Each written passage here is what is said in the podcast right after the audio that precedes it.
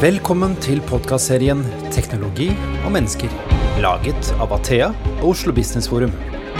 Vi har samlet de beste eksemplene på teknologi og digitalisering. Hvordan fikk de det til, og hva kan vi lære av dem? Da er vi tilbake med en ny episode i podkasten Teknologi og mennesker. Mitt navn er Christian Brostad. Aller først, tusen takk til alle dere som lytter til oss hver eneste uke. Det setter vi veldig stor pris på. Og et lite tips. Hvis du abonnerer, så kommer episoden rett inn i din podkastspiller. Mye enklere. Så over til dagens episode, og jeg må si at dette har jeg gledet meg masse til. Vi har fått i studio to sterke bærekraftsprofiler som på hver sin måte bidrar til at verden går i en mer bærekraftig retning. Og det er ingenting som er bedre enn det. Så Nina Jensen, marinbiolog og CEO i Rave Ocean. Og så har vi Petter Gulli, daglig leder i selskapet 12 Years. Velkommen til dere. Takk. Er formen bra? Ja. Utmerket. Utmerket, det er nydelig. Jeg tenkte vi skulle starte med deg, Petter. For du har jo kanskje eh, gjennomlevd en oppvåkning når det kommer til eh, bærekraft. Du har jo jobbet med reklame i over 30 år, kanskje, Ja. eh, uten å si noe om alderen din. Uh, og du har jo jobbet for å pushe produkter og maksimere forbruk osv. Men nå er det noe annet. Fortell. Ja, eh, det er altså, det sta, jeg, altså jeg har jo kalt reklamebransjen etter hvert turboen på forbrukermaskineriet. ikke sant? Og det var kanskje forbruket jeg oppdaget først, men, men det starta vel for meg da Al Gore kom med Inconvenient Truth allerede tilbake i, i 2006, tror jeg det var. Eh, og, og så ble den bekymringa egentlig bare større. Og så er det ganske morsomt i forhold til hvem som sitter på andre siden av bordet her. For i, i 2015 eller noe sånt nå, så gjorde vi en merkevarestrategi for WWF, Verdens naturfond, i det reklamebyrået som jeg jobbet i den gangen. Eh, og da og det var jo veldig spennende, da ble man jo enda mer opptatt av at kanskje vi er på feil vei.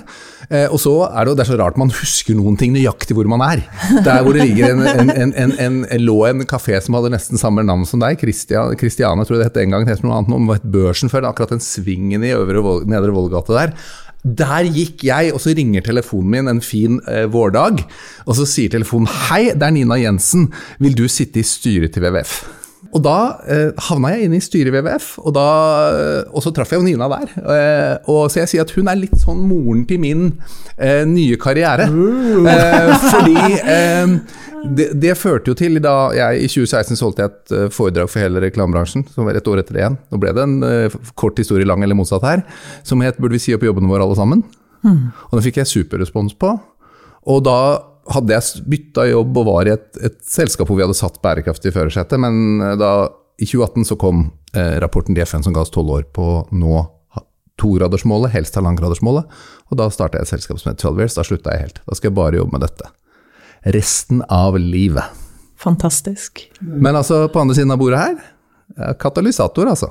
Det er utrolig ærefullt og hyggelig å få vært eh, fødselshjelper eh, for det. Som jeg alltid har sagt, så er eh, kommunikasjon og markedsføring noe av det absolutt viktigste vi kan drive med for å redde planeten vår. Og vi ble jo godt kjent gjennom samarbeidet tidligere, og det var utrolig viktig både å få deg inn i styret, men selvfølgelig å få flere stemmer som din inn i bærekraftskampen, fordi eh, altså, vi må få folk til å forstå.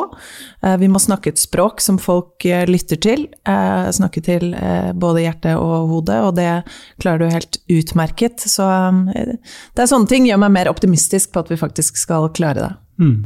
Og du har jo også vært på en litt av en jobbreise. Eh, hele livet har du jo vært miljøengasjert, har jeg lest. Eh, men det tok jo ryktene, da. Nå får vi jo liksom avkrefte om de er sanne eller ikke, men det tok jo ganske lang tid før Kjell Inge Røkke fikk deg over i hans sfære. Hva var bakgrunnen for dette her? Ja, absolutt. Altså, jeg hadde jo verdens beste jobb. Eh, WWF, Verdens naturfond, var drømmeorganisasjonen min fra jeg var eh, liten. Jeg ble jo pandaklubbmedlem da jeg var syv år, og peilet meg tidlig inn på at når jeg ble marinbiolog, så skulle jeg jobbe i WWF. Eh, Og fallhøyden er jo da selvfølgelig ganske stor, men når jeg kom inn i organisasjonen den dagen jeg leverte masteroppgaven min, eh, så har jeg ikke, angret jeg jo ikke en dag eh, etterpå. Jeg elsket å jobbe der, og jeg kunne gjort hva som helst for å jobbe i den organisasjonen. Det spilte ikke hva, noen rolle hva jeg gjorde. Um, og hvis noen spurte meg hva skal du gjøre når du ikke jobber i WWF, så fikk jeg jo nesten panikkangst. Det var det var et grusomt spørsmål, det var utenkelig for meg å skulle være noe annet sted. Men uh, Kjell Inge Røkke er selvfølgelig en, både en spennende mann og en mann som pleier å få det som han vil. Um, men han er også veldig uh, annerledes enn meg. Han er en industribygger og en kapitalist. Um, og selvfølgelig en som, uh, som, i veldig stor grad har lykkes med, med de eventyrene han har igangsatt. Og etter å ha jobbet med han Eh, i et år, fortsatt da i WWF, med å utvikle eh, Revotion-initiativet, eh, så skjønte jeg at han mener faktisk alvor med dette her. Det er ikke grønnvasking. Han ønsker å redde livet i havet. Han mm. ønsker å gjøre en forskjell. Og det er bare så mye miljøaktivister kan klare å få til alene. Hvis man kan klare å få med kapitalister og industribyggere på laget, så har man en mye større sjanse for å lykkes. Mm. Og når den erkjennelsen klikket inn, så ble egentlig valget ganske enkelt. Men han ringte meg da altså stort sett hver eneste dag i et år og spurte vil du jobbe for meg. Og jeg sa nei. Til jeg sa ja. Var du overrasket, eller, Petter? Ja, men altså, det var jo et eh, fantastisk eh, altså, Vi snakker marinbiolog og mm. et fantastisk spennende skip som skulle bygges, eh, som skulle gjøre bra ting for havet. Det var jo mm. ikke at hun skulle sitte ved siden av Kjell Inge Røkke og holde i hånden, sånn som jeg leste det og, og, vet at det ikke er. ikke sant? Og så er hun jo altså, hun er jo marinbiolog. Det er en av de, altså, jeg har lært én ting de to siste årene, og det er at biologer tror jeg er de kuleste folka som fins. Jeg har hatt glede av å drikke øl. Jeg har hatt glede av å drikke drikker øl med unge biologer, og de, de veit så mye sjuke ting. Som er eh, ja, bare en, en, samtale jeg hadde med noen om maur. Altså. Men, men, altså, Pia, Fredrik, Anne, hvis dere hører meg nå, dere er de kuleste folka i verden. Så biologer, det må alle høre med på, har jeg funnet ut. Virkelig.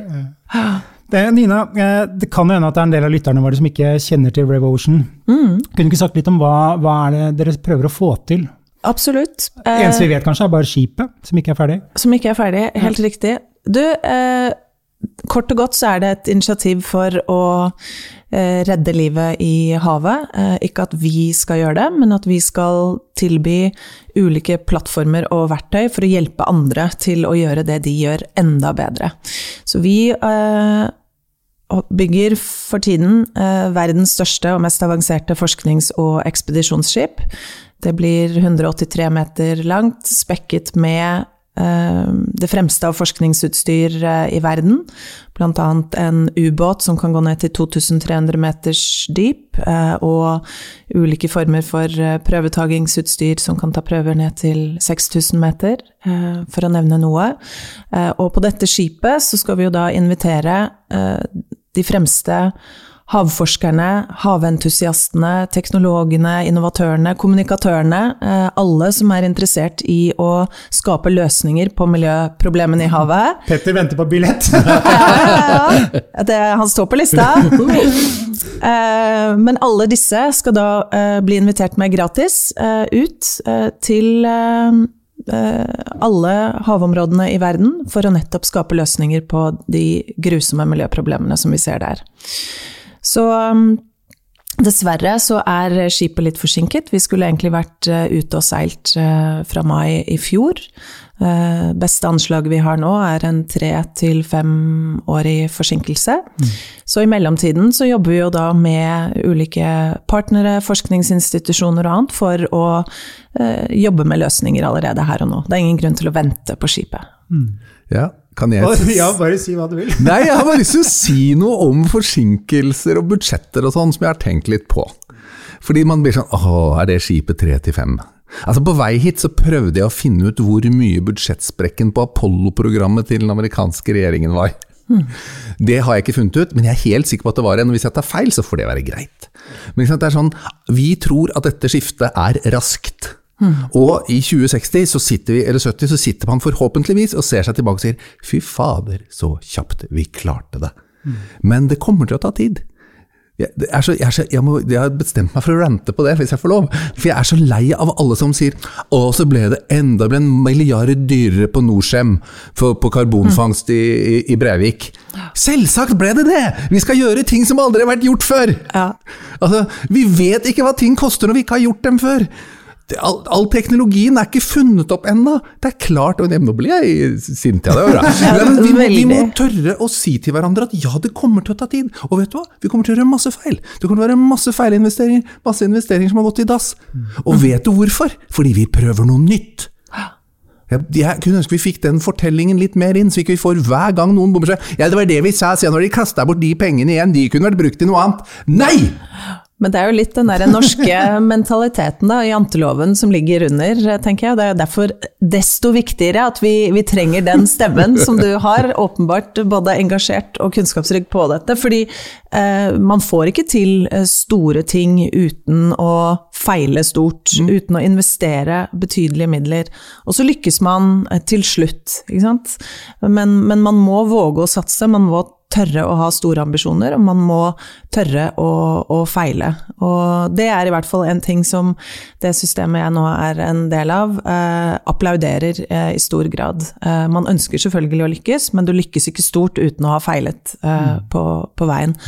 Og det finnes jo heller ikke noen sånn stor grønn knapp som man kan trykke på, ding! Og så er liksom alt bra. Det kommer til å kreve masse penger, masse eh, hard innsats teknologi som ikke er oppfunnet ennå, nye løsninger eh, mm. for å få dette til. Og det kommer til å bli veldig, veldig eh, krevende. Og da trenger vi kapitalistene? Ja, vi gjør det. Mm. Eh, vi trenger kapitalistene, vi trenger innovatørene, vi trenger eh, kommunikatørene. Vi trenger alle eh, mm. til å, å kaste seg på dette. Og det vi trenger, er samfunnsbyggerne. Fordi eh, det ordet kapitalist er interessant, men, men hvis du går eh, jeg, jeg, fikk nemlig en liten sånn, ikke heter det epiphany? Jeg var eh, oppe i, i, Lofoten, og inni en, en, en, fjord med en eh, ribb og en kunnskapsrik eh, guide, som fortalte om væreierne. Hvor eh, ja, man har sett Benoni Rosa, hvis man er gammel nok til å huske den sak fra det var svart-hvitt-TV, og fjernsynsteater med Og, og Benoni var jo Nei, ikke Benoni, men Mack, som var væreier, han var jo en fæl fyr. Men det var veldig mange gode væreiere i Nord-Norge. Veldig mange gode væreiere som bygget opp samfunnet og så ansvaret de hadde som arbeidsgiver. Og hele Norge er stappfullt av små eh, hjørnestensbedrifter, for det heter det. De er kjempeviktige i samfunnet, som har vært det. Så jeg tror også den historien må litt fram. At det, vi, som Nina vel sa i sted, vi trenger kapitalistene, vi trenger pengene, vi trenger å gjøre dette sammen. Men kapitalisme betyr ikke nødvendigvis eh, slemme mennesker. Nei. Det er veldig veldig mange gode mennesker med gode intensjoner der ute. Og så er det altfor mange folk som løper rundt uten huet, men det er en annen sak. Nevne navn? Nei. Nei? De har ikke huet, så jeg kan ikke kjenne dem. ja, ikke sant. Ehm, eh, Nina, det, har jo gått to måneder siden eh, klimatoppmøtet i Glasgow. Og Greta Thunberg er jo fargerik i mm. sine beskrivelser av det. og blant annet Én eh, ting hun sa, er at dette er en to uker lang feiring av business as usual. Og blæ, blæ, blæ, som vi leste. Hva, hva tenker du om liksom, det som kom ut av det toppmøtet? Var det, var det bare blæ, blæ, blæ? Ja, i veldig stor grad, vil jeg vel si det. Uh, og jeg applauderer ikke utfallet av, uh, av det møtet. Uh, COP26 26 år med mye prat mm. og betydelig alvor. hadde vi virkelig tatt inn over oss hvor alvorlig den situasjonen vi er i, og kommer til å komme i, er, Eh, så ville det ha vært langt mer eh, fremskritt eh, på disse klimatoppmøtene. Så skjer det jo positive ting som det er viktig å ta med seg. Vi ser at investeringer er i ferd med å flytte på seg, næringslivet er i en oppvåkning, og det skjer ting, men det går fortsatt altfor sakte. Og det er klart det er jo veldig mange som tror at man skal fortsatt kunne drive med både olje og gass og fornybar energi f.eks., og at det går helt fint. Mm tross av at alle rapporter sier at det er ikke plass til noe mer olje, gass og kull hvis vi skal ha sjans til å nå klimamålene. Og da må vi fortsatt ha storskala satsing på karbonfangst og -lagring og andre teknologier eh, for å, for å, løse utfordringene. Så nei, alvoret har på ingen som helst måte sunket dypt nok inn. Eh, vi agerer ikke raskt nok og den omstillingen vi skal igjennom, er så krevende at vi må putte langt mer penger, eh, menneskelige ressurser eh, og tid inn i å løse det. Du nevnte Greta Thunberg. Jeg fikk et spørsmål hjemme fra et av mine barn her forleden. Eh, pappa, hva syns du om Greta Thunberg? vi diskuterer henne ganske ofte, da. Men hva syns du om henne nå, liksom? Eh, eh, bør hun fortsette å være så sint? Og hvis jeg sier ja, hun skal det.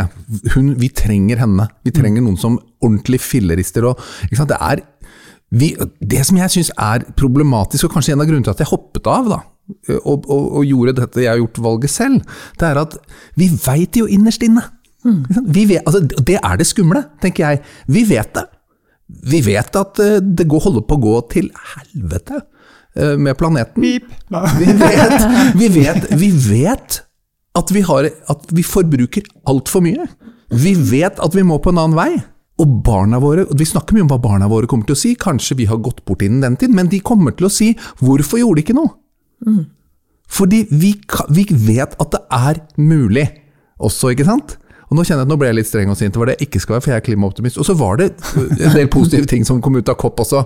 Skogavtale, blant annet. Eh, vi, ikke sant? vi er nødt til å ta vare på den karbonfangeren som er den viktigste i verden, som faktisk fins.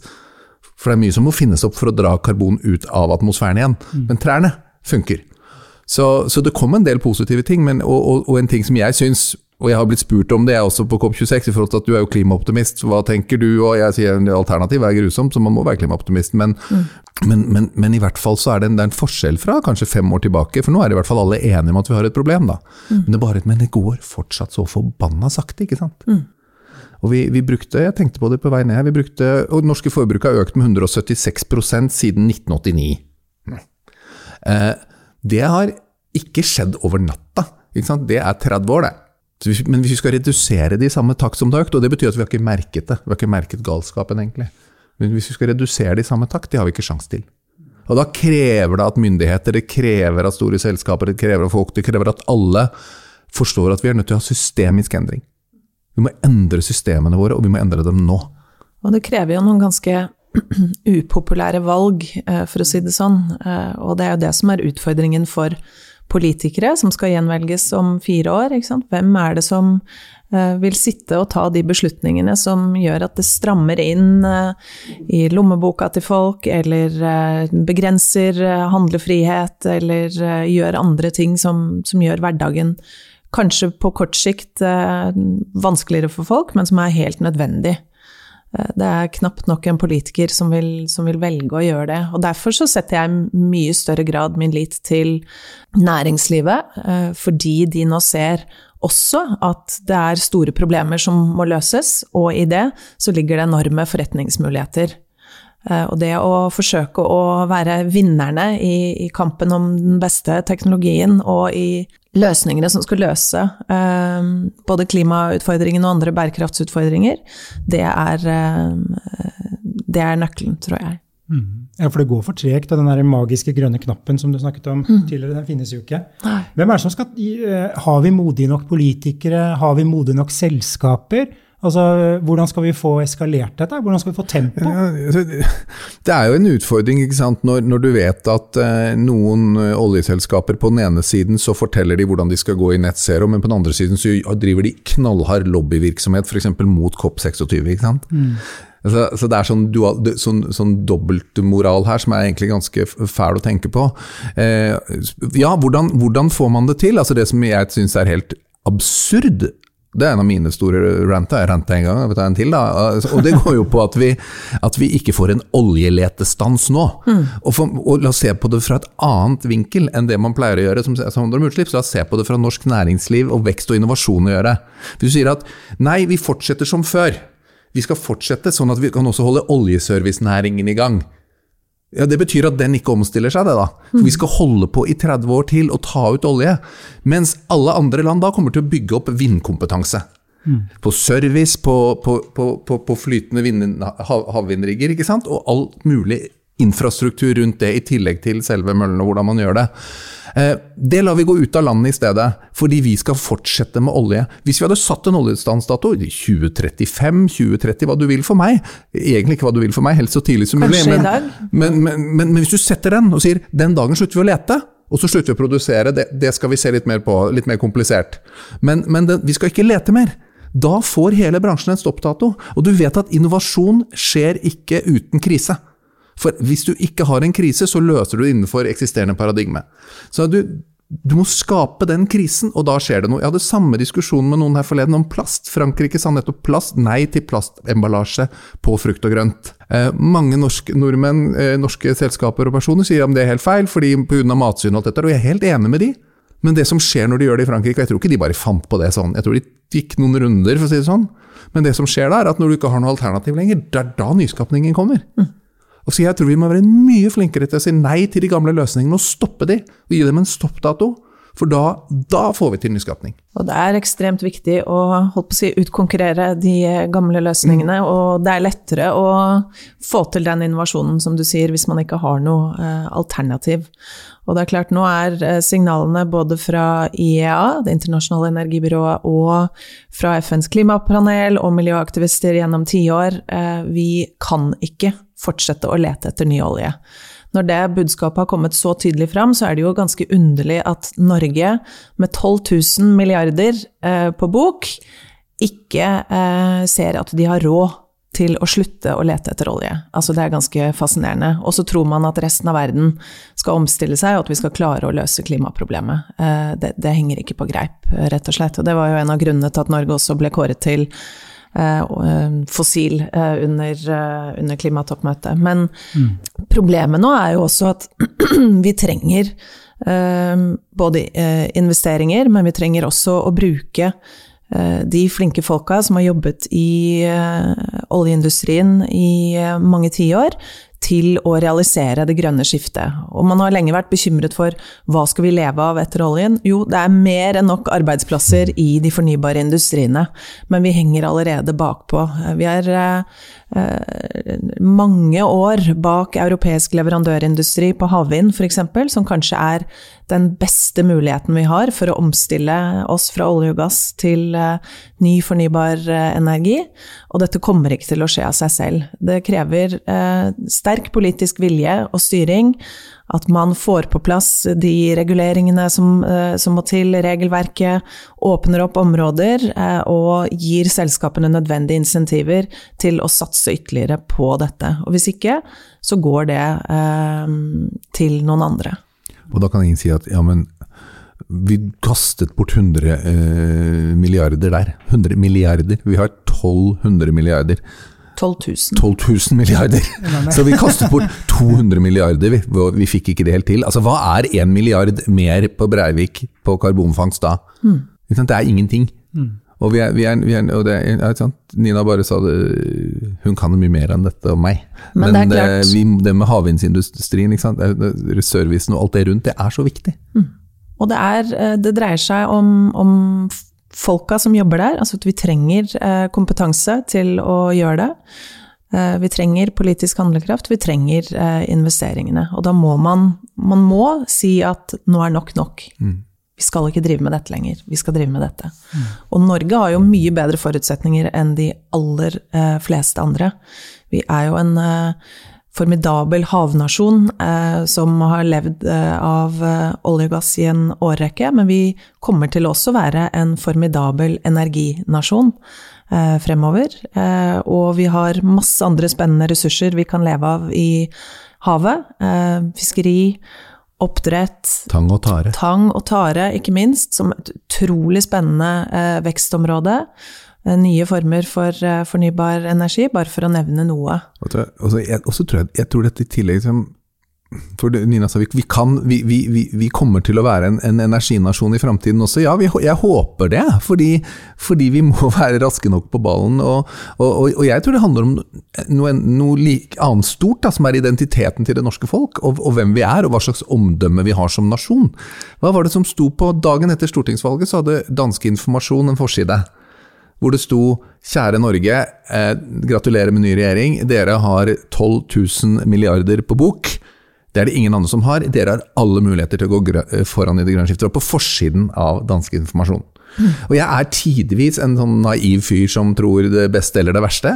Eh, og jeg tenker at er det noen grunn til at ikke vi skal bli boikottet for å ikke ville verden vel, når vi hele tiden snakker og trekker boikottkort mot Saudi-Arabia, mot Qatar, mot Kina, mot andre?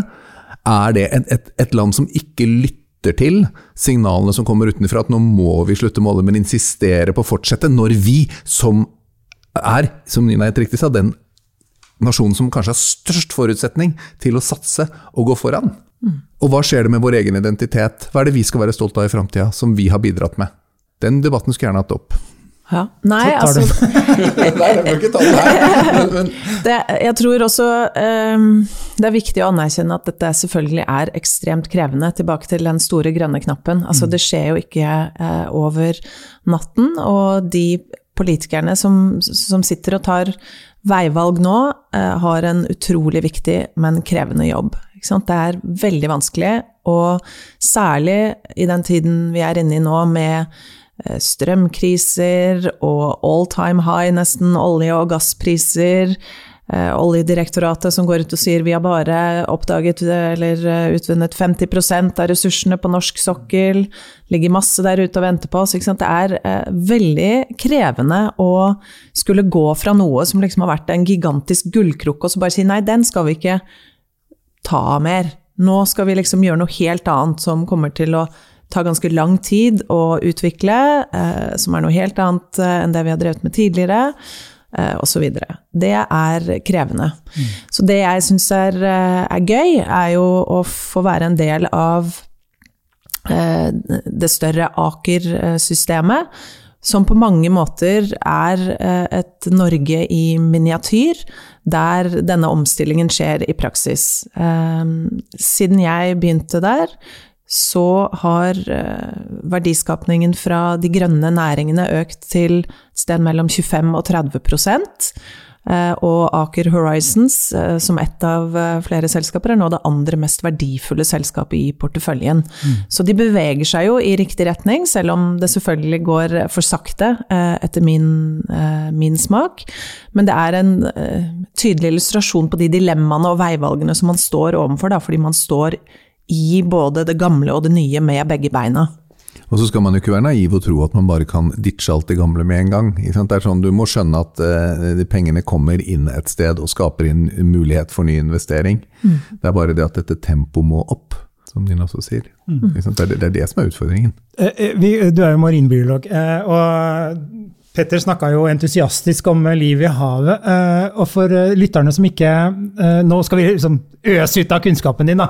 Hva er problemet i havene, hvis du skal si det på en bra måte, så lytterne forstår? Jeg tror, Vi har jo, liksom, vi har jo hørt om, om en del ting som skjer der, men hva er dine refleksjoner rundt det?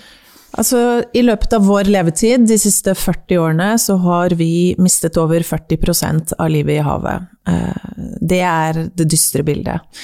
Og situasjonen er eskalerende som følge av særlig tre ting. Overfiske, mm. klimaendringer og eh, plastforsøpling. Alle disse tre, eller i hvert fall både overfiske og eh, plast, kan vi gjøre noe med. Eh, klimaendringer er mer krevende, selvfølgelig, men, men, alle tre områdene lar seg løse til en viss grad. Men det krever igjen eh, mye eh, innsats, og at vi alle får et mer bevisst forhold til hvordan vi bruker og forbruker, og kaster, ikke minst. At vi stiller større krav til de produktene vi kjøper, eh, tjenestene eh, vi forventer, og selvfølgelig hva vi investerer pengene våre i. Så alle har en viktig rolle å spille i å løse utfordringene i havet. Det lar seg gjøre, men det krever mye. Mm. For vanligvis tenker jeg da, i min sfære så snakker vi om egentlig plast mm. i havet som et stort problem. Men det, at, det er der vi får maten vår, oksygen, det er liksom så masse som vi kanskje ikke tenker over det, i hvert fall ikke jeg. Nei, og egentlig så burde jo alle tenke over det. Altså, det er ingenting som er viktigere enn havet. Mm. Havet gir oss egentlig alt vi trenger for å ha et godt liv.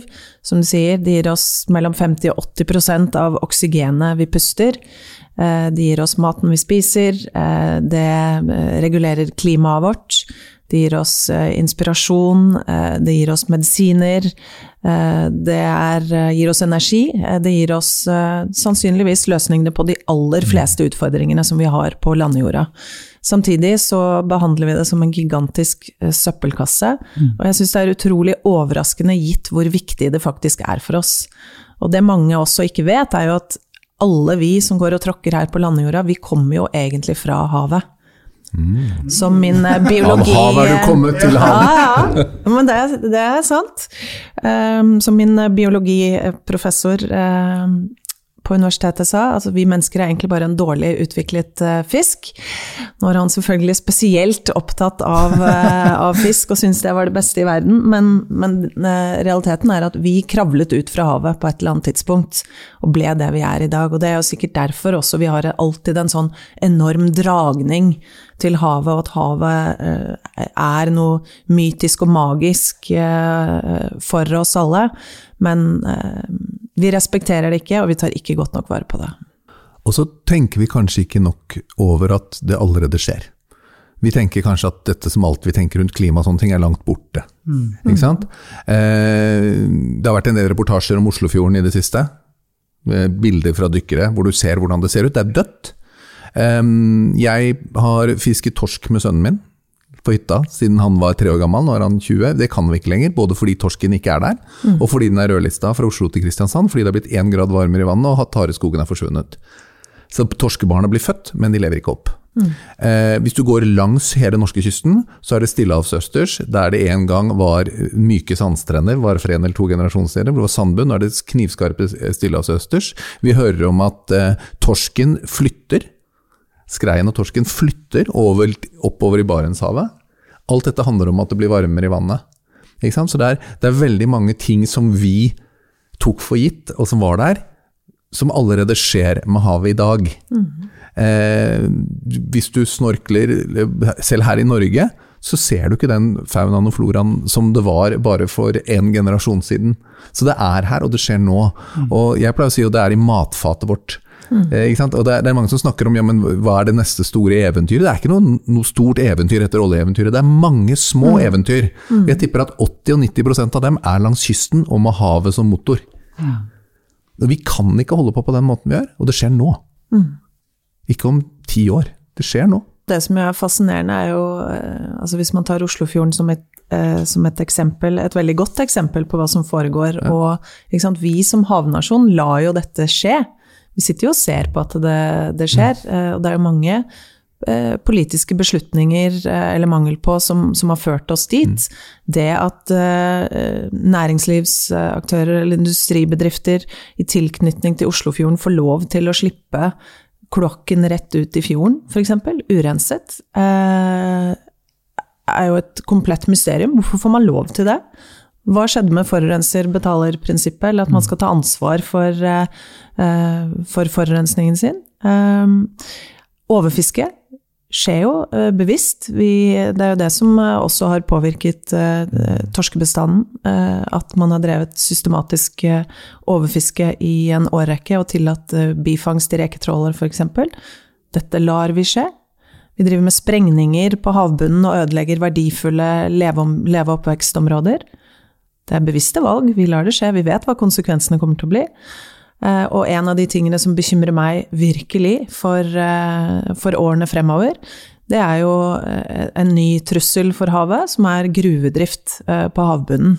Som man jo også nå ser på en av disse fantastisk spennende nye mulighetene for eh, særlig olje- og gasselskapene, eh, som et nytt havbunnseventyr en skandale eh, om vi faktisk velger eh, å igangsette storskala gruvedrift på havbunnen eh, i økosystemer som har utviklet seg gjennom tusener, kanskje millioner av år, som ikke aner verken kompleksiteten av, verdien av eller viktigheten av for de økosystemtjenestene som vi, som vi får hver eneste dag, og som vi vil ha null sjanse til å reparere og restaurere, fordi det foregår på kanskje 2000-3000 meters dyp i svært eh, vanskelige forhold. Det må bare aldri få lov til å skje. Nei, det må ikke få lov til å skje. Og ikke, og, altså, havbunnmineraler, bare merk dere begrepet alle som hører på, altså, for det er så viktig at vi stopper. Og i, i hvert fall, hvis ikke jeg tar feil, så vurderer man å starte dette uten konsekvensutredning. Og det er jo helt meningsløst. Altså, og, og, og, husk på at vi har klart å stort sett fucke opp alt som er på land. Der har vi klart å, å, å ødelegge. Der veit vi at vi har stort sett klart å grave for dypt og ødelegge for mye hele tida. Så skal vi begynne med det med de siste økosystemene vi ikke kjenner. Ikke? Og da kan vi godt ta, eller Nina kan disse tallene mye bedre enn meg, men hvor mye av havet vi ikke vet noe om fortsatt også. Så skal vi gå ned der og begynne å rote i økosystemer hvor kanskje løsningen på framtiden ligger for oss. Og hvis ikke jeg husker feil, det kan du korrigere meg på, så er det vel også sånn hvis vi begynner å harve opp havbunnen, så det også, kan det også komme karbonutslipp som ligger latent ikke så dypt ned. Så vi kan få riktig. økte karbonutslipp i tillegg. Og dette her er sånn den nye gullgruven. Nope. Nei, det er utrolig skremmende, rett og slett. Og det viser jo litt den derre eh, galoppen og det derre hamsterhjulet som vi er inni, og hvor vi hele tiden finner på nye ting og nye områder som vi skal spise opp eller ødelegge for å drive denne, eh, dette gale hamsterhjulet som vi alle driver og løper inn i. For at vi alle skal kunne få en ny mobiltelefon eller en ny iPad eller en ny elbil eller andre ting. På et eller annet tidspunkt så må vi bare stoppe eh, denne galskapen. Og et veldig spennende alternativ da, til å drive gruvedrift på havbunnen, det er jo å se på eh, såkalt urban mining. Eh, man anslår jo at det i dag produseres rundt 65 millioner tonn elektronisk og elektrisk avfall hvert eneste år. 65 millioner tonn. Vi er alle en del av det, meg selv inkludert. Men i de eh, produktene og kall det ressurser på avveie, så finnes det jo metaller og mineraler eh, som kan og bør brukes på nytt. I dag så blir kanskje rundt 20% av disse gjenvunnet. Kan vi ikke da istedenfor drive gruvedrift på disse? Hvorfor ikke hente ut, eh, skape ny teknologi, hente ut metaller og mineraler fra dette, istedenfor å ødelegge nye, kontinuerlig nye områder? Og her må myndighetene inn. ikke sant? Det er her vi må få krav som sier at nei, dere får ikke lov til å gjøre det. Vi kan ikke kaste det. Det må være krav til at dette kommer i sirkularitet. Nå er tallet 2,4% debattert, vet jeg, men det, en, en, det var vel en undersøkelse fra Nederland eller noe sånt som sier at eh, norsk eh, økonomi er 2,4% sirkulær, mens den eh, europeiske er opp mot 9% men altså som fortsatt er ingenting, ikke sant. Og jeg har jo sagt før at eh, farmor eh, ville ikke Hva ville farmor ha sagt? Hvis hun hadde hørt hvordan vi holdt på. Min farmor levde jo da under krigen, ikke sant? hvor man snudde man tok smørpapir og så gnei man det i stekepanna før man stekte, fordi man brukte alt. Eh, Jeg tror Andreas Wiestad snakker om at vi må bruke hele dyret. Det var jo en selvfølge. Da jeg vokste opp så lå det en halv sau på kjøkkenbenken, og så ble den partert og delt opp og putta i fryseren. Og da, og da kunne man navn som bibringe og buklist og sånne ting som jeg liksom, liksom veit hva det er! Jeg, jeg veit ikke hva det er sjøl, men vi lagde sylta buklist, vet jeg. Men, liksom, men da brukte man hele dyret. Man brukte det man hadde. I dag bruker vi bitte litt, og så kaster vi resten. Og det er jo en, altså, Prøv å forklare det til folk som har hatt lite. Det er jo en helt absurditet. Og, og, og, vi, og den må vi klare å se. Så istedenfor å snu oss til er det et nytt sted vi kan finne et, og grave et høl i, så kan vi si nei, som Nina sier, vi må se på alle de tingene vi har. Det er ingenting. Altså Vi må slutte å kaste Norge, pleier jeg å si. Ja. Vi må slutte å kaste Norge, fordi vi, vi, vi, vi kaster jo alt. Én ting er, er mineralene, en andre ting er tekstilene. Ikke sant? Alt må inn i loop og sirkularitet. Og sirkulærøkonomi er det mange store selskaper, og der opplever jeg næringslivet er mye mer på enn en politikerne. Altså, i, i, vi hadde en, Klima dukket jo opp på slutten av eh, partilederdebatten og sånt noe på, eh, i det siste valget, men ingen snakket om sirkulærøkonomi. Jeg var i Arendal, Arendalsuka. Nesten ingen snakket om sirkulærøkonomi. Helt absurd. Det tror jeg også dreier seg om eh, kommunikasjon, og gjøre mm, å si, begrepet mer forståelig og innholdet i det, og ikke, mer, ikke minst eh, mulighetsrommet. Og så kjente jeg at jeg automatisk ble litt stolt, for jeg har faktisk eh, sylte av buklist i kjøleskapet. Så når du først nå var inne på det Men ikke ære være meg, for å si det sånn, det har jeg fått av eh, svigermor. Eh, så, men ikke sant? det er noe å lære av hvordan eh, tidligere generasjoner eh, levde, eh, og, eh, og komme oss ut av dette bruk-og-kast-samfunnet som, vi- som vi lever i. Og det betyr ikke at det er et dårligere eh, samfunn eller en dårligere måte å leve på, snarere tvert imot. Imot. Du sparer penger, du sparer miljøet, det føles bedre. ikke sant? Det, det er dit vi må komme. Ja, og så, og så tror jeg den fortellingen må ha med seg at det er ikke noe Det er ikke noe eh, at du skal tilbake til sånn de levde på da det var sult og hunger i landet. Eh, som jeg sa i sted, jeg, jeg tror eh, tallet er 176 forbruksøkning siden eh, 1989. Altså jeg var, eh, I 1989 var jeg 24 år. Jeg kjøpte alt jeg ville. Jeg hadde alt jeg trengte. Led ingen nød, ikke, og, og tenkte da at jøss så godt vi har det her i landet. Så det, det, er, det er jo ikke tilbake til eh, liksom én genser hver som vi må gå med i fem år. Altså Vi er ikke der. Eh, Nina, i researchen her, jeg må gå litt videre, du dere snakker så mye om alt, men det er bare nydelig det. Altså. Eh, I researchen her så eh, kom jeg over en del ting som handlet om data. Eh, det å liksom eh, forskningsdata, det med havdata osv. Og, så og det foregår jo en datarevolusjon i de fleste bransjer, og da tydeligvis også i din bransje. Men jeg ser jo at eh, hvis jeg, det er riktig, da, det skal vi få bekreftet nå, eh, det er at eh, det mangler systematikk. Det er mye siloorientert, så man klarer ikke å anvende all den dataen for å skaffe seg ny kunnskap, for å iverksette de riktige tiltakene osv. Hvordan er egentlig situasjonen i havbruksnæringen?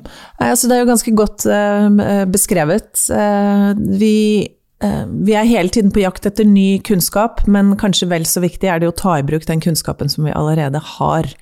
Eh, Og veldig mye av eh, forskningsdata eller rapporter eller andre ting, det sitter enten i enkeltpersoners hoder, det ligger i en rapport i en skuff eller i en eller annen lukket eh, database, eller hos ulike industriaktører.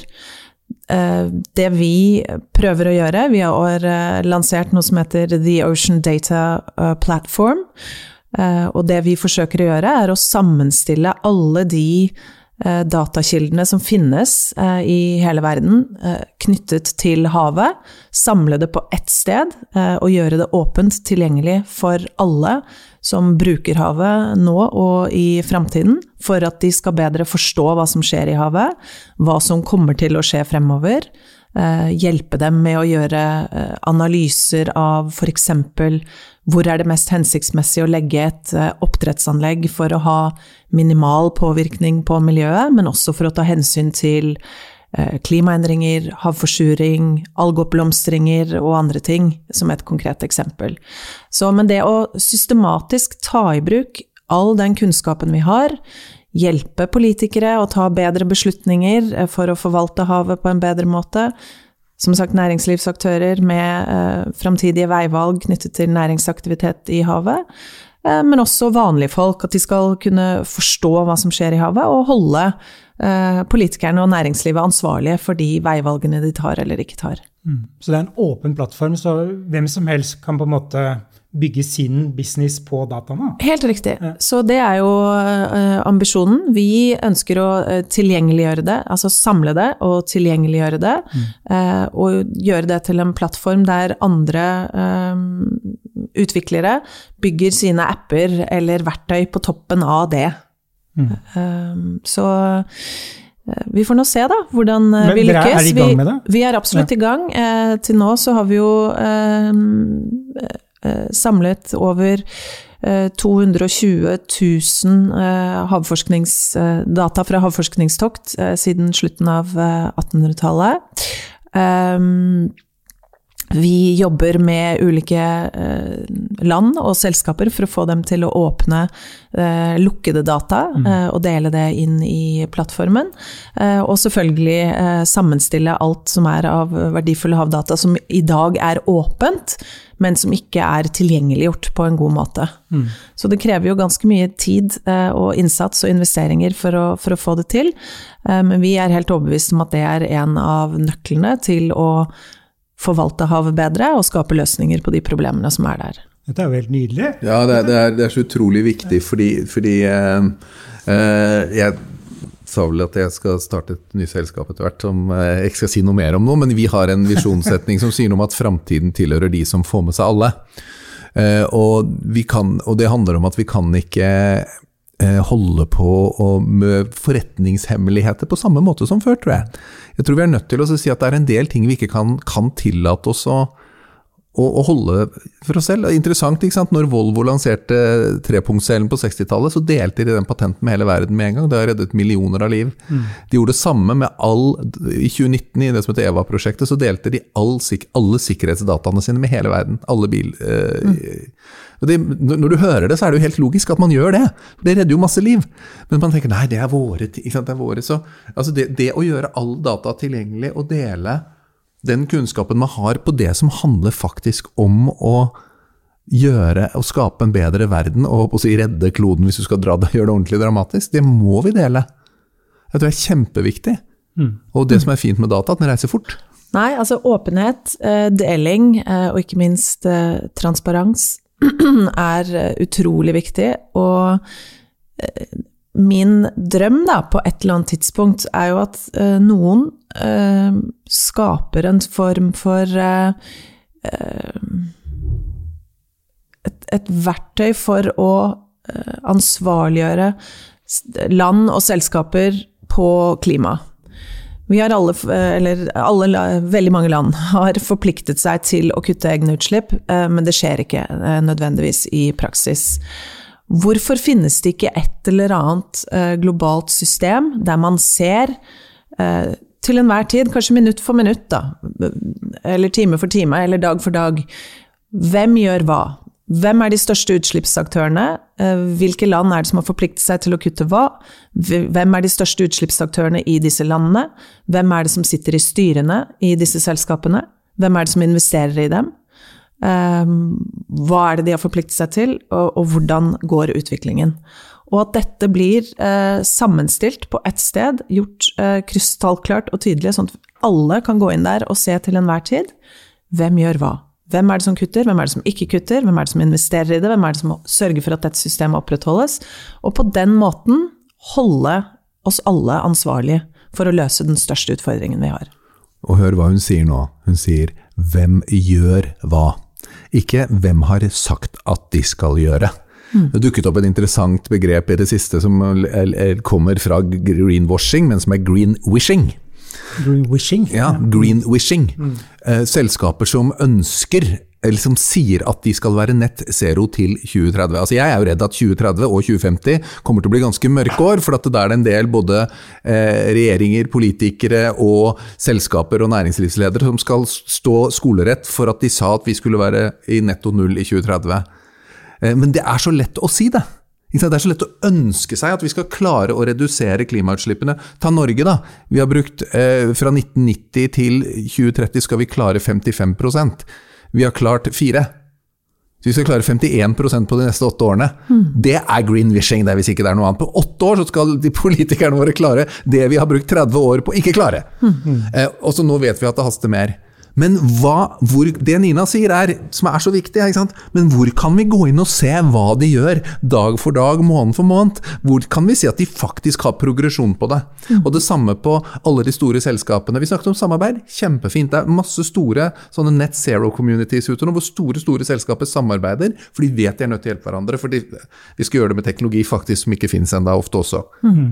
Og så kan man kjøpe seg fri med kvoter, ikke sant? Du kan si vi kjøper klimakvoter, det er vi jo egentlig netto null i dag. Og det, det, må noen gjerne gjøre. Jeg vil egentlig at alle gjør det nå. Jeg. Kjøper seg til netto null nå, men, men, de, men, de, forplikter seg å vise hvordan de skal erstatte kvotene fram til 2030 med reelle utslippskutt. Som jeg skulle, ville kunne gå inn og se, som Nina sier. Mm. Burde ha vært et krav til at det er en modul på alle nettsider i verden til selskaper, hvordan de tikker seg ned mot null, og hva de faktisk gjør hele tiden. Mm.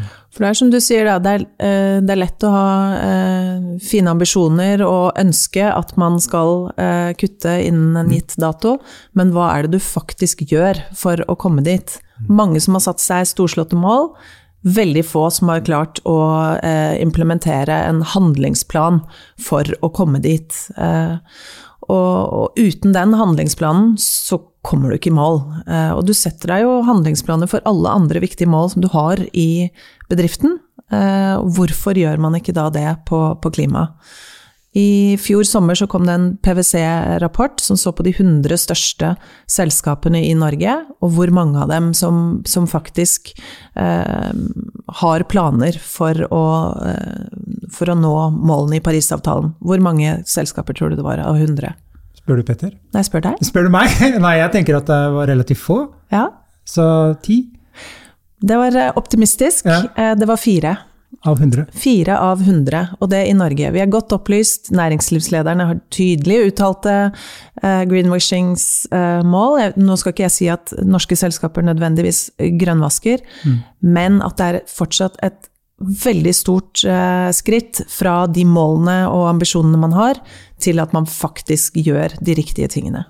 Jeg tror at kanskje det som skjer på noen styrerom akkurat nå, og i noen ledergrupper, er sånn Oi, hvis ikke vi har et nett zero-mål til 2030, så er vi out of business.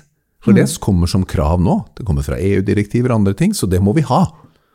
Ja, ok. Ja, da, da må vi vedta et sånt mål, da. Ja, i 2030 skal vi være klimanøytrale. Fint. Ja, men da har vi det. Kan vi skrive det i en rapport? Ja, det kan vi. Hva gjør vi? Nei, nå kjøper vi kvoter først, og så tar vi det etter hvert. Jeg tror, og det er det skumle med at vi tvinges inn faktisk i de målene også, at man blir nødt til å gjøre det. For ellers er du ute av business. ikke sant? Men du burde vært ute av business da, Du bør egentlig ut av business hvis ikke du gjør det, da. Ikke sant? Altså, men men jeg, jeg, det, det holder ikke med mål, altså. Men Nina og Petter, dere kunne jo skravlet i dagevis, eh, så vi må nesten gå inn for landing. Eh, Men før vi avslutter helt, så skal vi innom vår faste spalte. Digitale vaner. Bli kjent med gjestene ved å snoke deres digitale liv. Hva gjør de egentlig på nettet? Hvilke favorittapper har de? Er det streaming eller linær-TV som gjelder? TikTok eller Snapchat? Vi spør i Teknologi og mennesker. Nå skal vi faktisk eh, snoke litt i deres private digitale liv, og det dere får presentert er da altså et dilemma, altså du skal velge et alternativ av to, og så er det som vanlig strengt forbudt å finne på et tredje alternativ. Så dette, dette gleder jeg meg til. Eh, skal vi begynne med deg, Nina? Det er ganske snille ting, altså, så det er ikke noe vits å bli Kjente at jeg nervøs. umiddelbart ble litt nervøs nå, men eh, greit. Ja. Eh, Nettbutikk eller fysisk butikk? Nettbutikk. Ja. Petter? Fysisk. Fysisk, ja. Det er ikke det blikket, da. Det er mye fordel med begge deler. Eh, Nina, seriefråtsing eller én episode i uka? Gitt livssituasjonen så blir det dessverre en episode i uka. Ja. Har du noen favorittserie om dagen? Du, jeg henger jo så langt etter at eh, for øyeblikk så ser jeg på Broen. Eh, Broen, Tenk deg det. ja. Den er en god, gammel slager. Det er en klassiker, men den er, ja, det er en klassiker nå, men den er utrolig bra. Ja. Petter? Jeg er dritforbanna på NRK som lar Lykkeland gå hver søndag. Jeg vil se Lykkeland alle episodene nå. Ja. Ja, det er et mareritt. det er oljeeventyret, da. Det er gøy. Ja, Så du er seriefråtser? Jeg er definitivt eh, seriefråtser, ja. ja, nydelig. Eh, emoji eller tekst? Tekst. Tekst. Spriter opp litt. Mhm. Og du, Petter? Ja, tekst. Bare tekst? Jeg er tekstfatter. Men du kan, jeg fikk ikke lov til å komme tredje men Du sier bare tekst. Nei, tekst og emoji. Flest bokstaver emoji til slutt. Ok. Én, to Ja, men det er ikke ja. Ikke gå på veggen min. Eh, nest siste, Instagram eller TikTok? Instagram. Instagram, Er du på TikTok? Nei. Nei, mye bra bærekraftsting på TikTok. Har du sett det? Nei. Masse bra, fete kontoer som snakker om eh, klimaspørsmål og sånn. Ja. Så det er noe å forske i. Da burde jeg jo det. Men Ja. eh, jeg, jeg hadde det, og jeg tok det av igjen. Ja. Det er addictive. Og det er så mange plattformer. Altså man kan jo leve hele livet sitt i disse plattformene. Ehm, Så jeg, jeg kjenner at jeg kanskje begynner å bli litt gammel. Jeg er ikke på TikTok. Nei. Eh, siste. Smarthjem eller bare hjem? Oi. Bare hjem. Bare hjem. Har du noen smarte duppedingser hjemme? Utover eh, telefonen min, holdt jeg på å si. Så- Eh, Nei, jeg er ikke noe sånn, jeg kan ikke styre noen ting i huset mitt med, med telefonen, f.eks. Nei. Ja, bare hjem. Men smartere, jeg er smartere hytte enn hjem, faktisk. Men, det? Ja. men, men, men, men, eh, men jeg vil jo si at smarthjem når smarthjem blir smart nok. Uh. Nydelig. Og bærekraftig. Og bærekraftig. Ja. Ja, ja. Men eh, ja, det, det må være forutsetningen at det bidrar til eh, at eh, avtrykkene våre og strø- regningene også i tillegg, pengene går ned. Og hvis noen nå lurer på hvorfor lyden til Petter er litt svak, er det fordi han har lagt seg tilbake i stolen. Jeg tenkte jeg skulle være Sånn litt sånn avslappet. da. Nina og Petter, tusen takk for at dere kunne være med, og tusen takk til deg som har lyttet på. Du har nå lyttet til Teknologi og mennesker, laget av Athea og Oslo Business Forum. Liker du podkasten, setter vi stor pris på om det gir oss noen stjerner. Og tips gjerne en venn om podkasten.